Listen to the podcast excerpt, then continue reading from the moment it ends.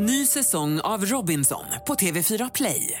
Hetta, storm, hunger. Det har hela tiden varit en kamp. Nu är det blod och tårar. Fan händer just nu. Det. är Detta är inte okej. Robinson 2024, nu fucking kör vi! Streama söndag på TV4 Play. Du lyssnar på en podcast från Expressen. Fler poddar hittar du på expressen.se podcast och på iTunes. Det här är Expressen Dokument om att Hitlers livvakt begravs med hemligheter av Arne Lapidus som jag, Johan Bengtsson, läser upp.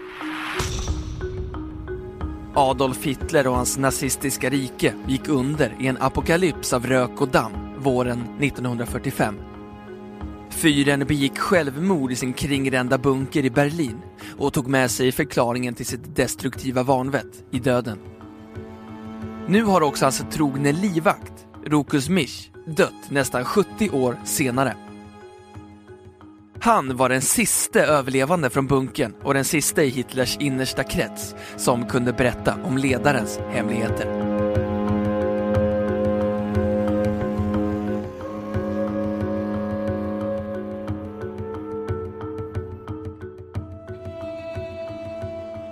Förre SS-mannen Rokus Misch har dött i sitt hem i Berlin, 96 år gammal. Han var ända till sin sista dag trogen sin gamle chef, Adolf Hitler, och kunde under sitt långa liv aldrig finna något att invända emot dennes karaktär eller agerande. Rokus Misch var den siste överlevande i krigsförbrytargänget som förskansade sig i en underjordisk bunker i Berlin som var belägrat av framryckande sovjetiska trupper. Men medan Hitler och många av hans hantlangare dog en våldsam död lyckades Misch fly ur den söndersprängda bunkern, överleva i 68 år och dö naturligt av ålderdom och sjukdom i ett Berlin som på nytt är huvudstad i Europas starkaste land.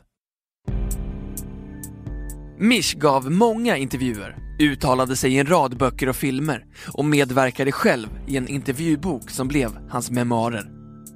Men över hans läppar kom aldrig ett ord av kritik av Hitler.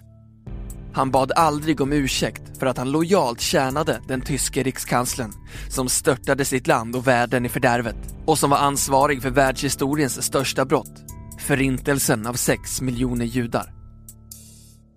Han var inget odjur, han var inget monster, han var ingen övermänniska, sa Rokus Misch till nyhetsbyrån AP 2005.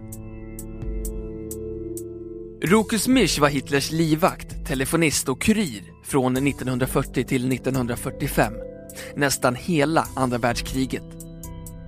Han bodde med ledaren i det alpina örnenästet i Berchtesgaden, i Vargskansen närmare fronten och i Hitlers olika högkvarter runt om i Tyskland. När Misch gifte sig med Gerda 1942 skickade Hitler en låda vin. Han var en underbar chef. Jag bodde med honom i fem år. Dag och natt, sa han. Han levde tätt intill Hitler de tio sista dagarna av ledarens liv i april 1945. Hitler och topparna i den nazistiska regimen tog sin tillflykt till den underjordiska Führerbunkern medan Röda armén ryckte allt närmare. I intervjuer har han berättat hur generaler och nazistledare kom till bunkern och desperat försökte organisera huvudstadens försvar.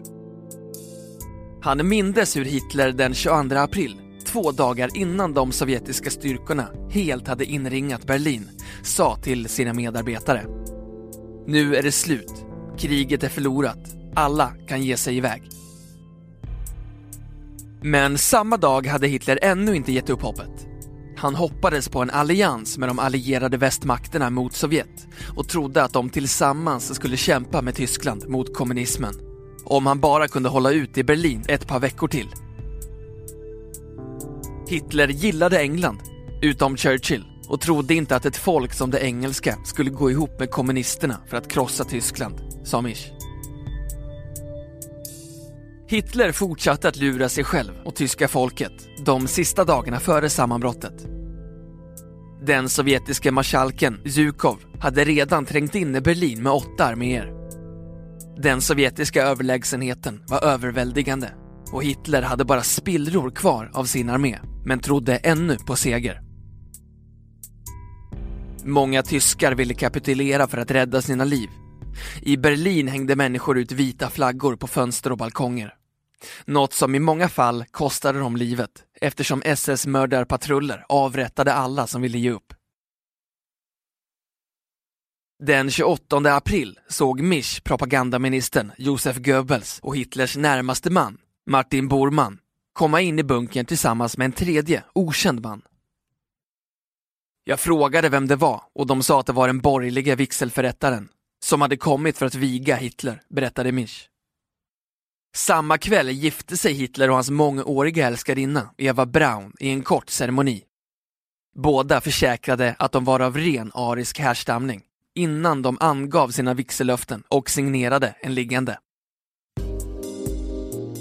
Rokus Misch var det sista överlevande vittnet till dramat två dagar senare, den 30 april 1945, när Hitler och hans nya hustru begick självmord.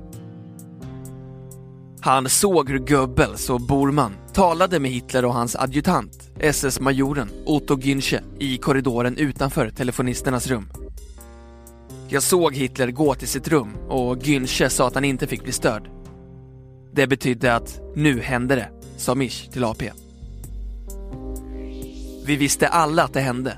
Han hade sagt att han aldrig skulle lämna Berlin, att han skulle stanna där.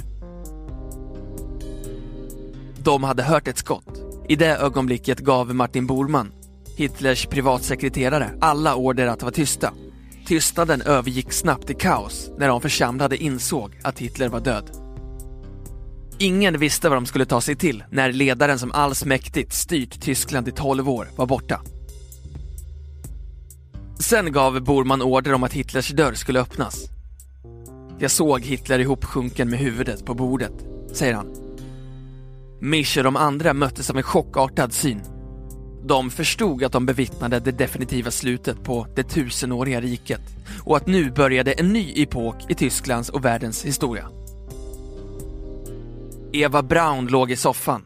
Hennes knän var uppdragna tätt mot bröstet. Hon bar en mörkblå klänning med vit plisserad krage. Jag kommer aldrig att glömma det, sa han till BBC. Eva Braun hade dött av förgiftning och Hitler hade skjutit sig. Någon placerade Hitler på golvet och la en filt över honom. SS-männen började hälla bensin över de döda kropparna på gården och bränna dem. Dramatiken i Führerbunkern fortsatte också efter Hitlers död. Nästa dag drogade och mördade Magda Goebbels sina sex barn med cyanid. Hon var maka till Josef Goebbels som tog över som ledare i bunkern. De hade fått Hitlers godkännande till mordet på sina barn. Strax efter Hitlers död kom fru Goebbels ner i bunkern med sina barn. Hon började förberedelserna för att döda dem. Hon kom ner för att döda dem. Hon kunde inte ha gjort det där uppe för där fanns det andra människor som skulle ha stoppat henne, berättade Misch för BBC. Andra ögonvittnen har berättat hur mamman gick med barnen efter sig nerför trappan. De gick i dubbla led. Alla var mycket bleka. Barnen Helga, Hildegard och Helmut, Hedvig, Holdine och Heidrun var i åldrarna 12 till 4. Alla förnamnen började på bokstaven H, som Hitler. Vi alla visste vad som skulle hända, det var tydligt. Jag såg Hitlers läkare, doktor Stumpfegger, ge barnen något att dricka, någon söt dryck. Sen hjälpte Stumpfegger till att döda dem. En eller två timmar senare kom fru Goebbels gråtande ut. Hon satte sig vid ett bord och började lägga patiens, säger han. Rokus Misch höll ut i bunkern ytterligare ett par dagar. Sen fick han tillstånd att fly av sin nya chef, Goebbels. Han och några andra lämnade bunkern och gav sig ut i Berlin, som vid det här laget var en ruinstad. Men han greps snart av ryska soldater och efter den tyska kapitulationen fördes han till Sovjet. Han satt i nio år i sovjetiska fångläger innan han 1954 fick tillstånd att återvända till Tyskland där han återförenades med sin fru Gerda som dog 1997. I hemstaden Berlin drev han i många år en färgaffär.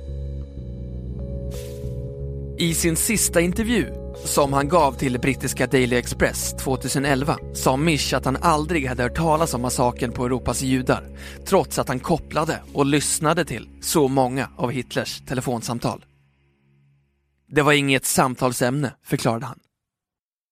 Jag gjorde mitt jobb lojalt och bra och vidarebefordrade meddelanden korrekt eftersom jag inte ville bli utkastad. Jag var glad att inte vara vid fronten.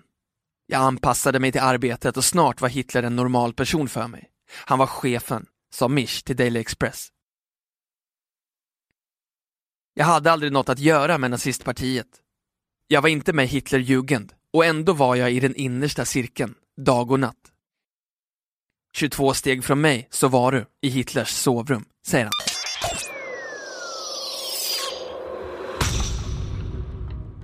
Du har lyssnat på en podcast från Expressen. Ansvarig utgivare är Thomas Mattsson. Fler poddar finns på Expressen.se och på iTunes.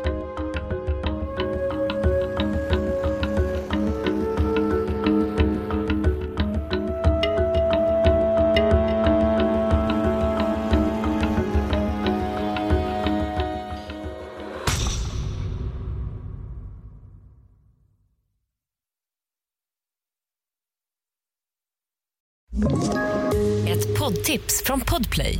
I fallen jag aldrig glömmer djupdyker Hasse Aro i arbetet bakom några av Sveriges mest uppseendeväckande brottsutredningar. Går vi in med hemlig telefonavlyssning och, och då upplever vi att vi får en total förändring av hans beteende. Vad är det som händer nu? Vem är det som läcker? Och så säger han att jag är kriminell, jag har varit kriminell i hela mitt liv men att mörda ett barn, där går min gräns. Nya säsongen av Fallen jag aldrig glömmer på Podplay.